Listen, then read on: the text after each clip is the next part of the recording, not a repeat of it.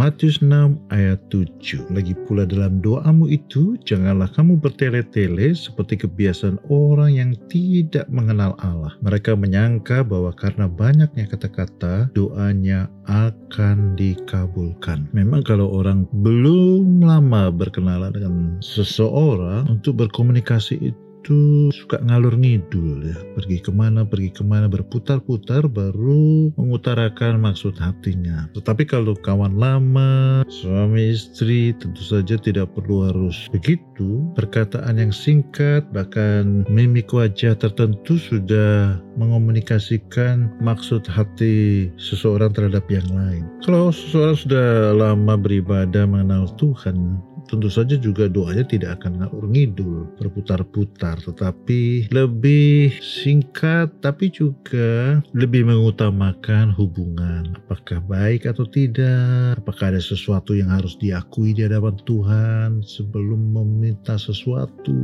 Apakah motivasi dalam meminta sesuatu kepada Tuhan itu tulus atau tidak? Karena orang yang dekat tentu saling mengerti isi hati satu dengan yang lain. Demikian pula dalam doa kita kepada Tuhan. Banyaknya kata-kata kita tidak menentukan terkabulnya doa kita, tetapi keyakinan kita, kepercayaan kita, ketulusan kita, keterbukaan kita di hadapan Tuhan, itu tanda bahwa kita mengenal Tuhan dan menentukan terkabulnya doa kita. Amin.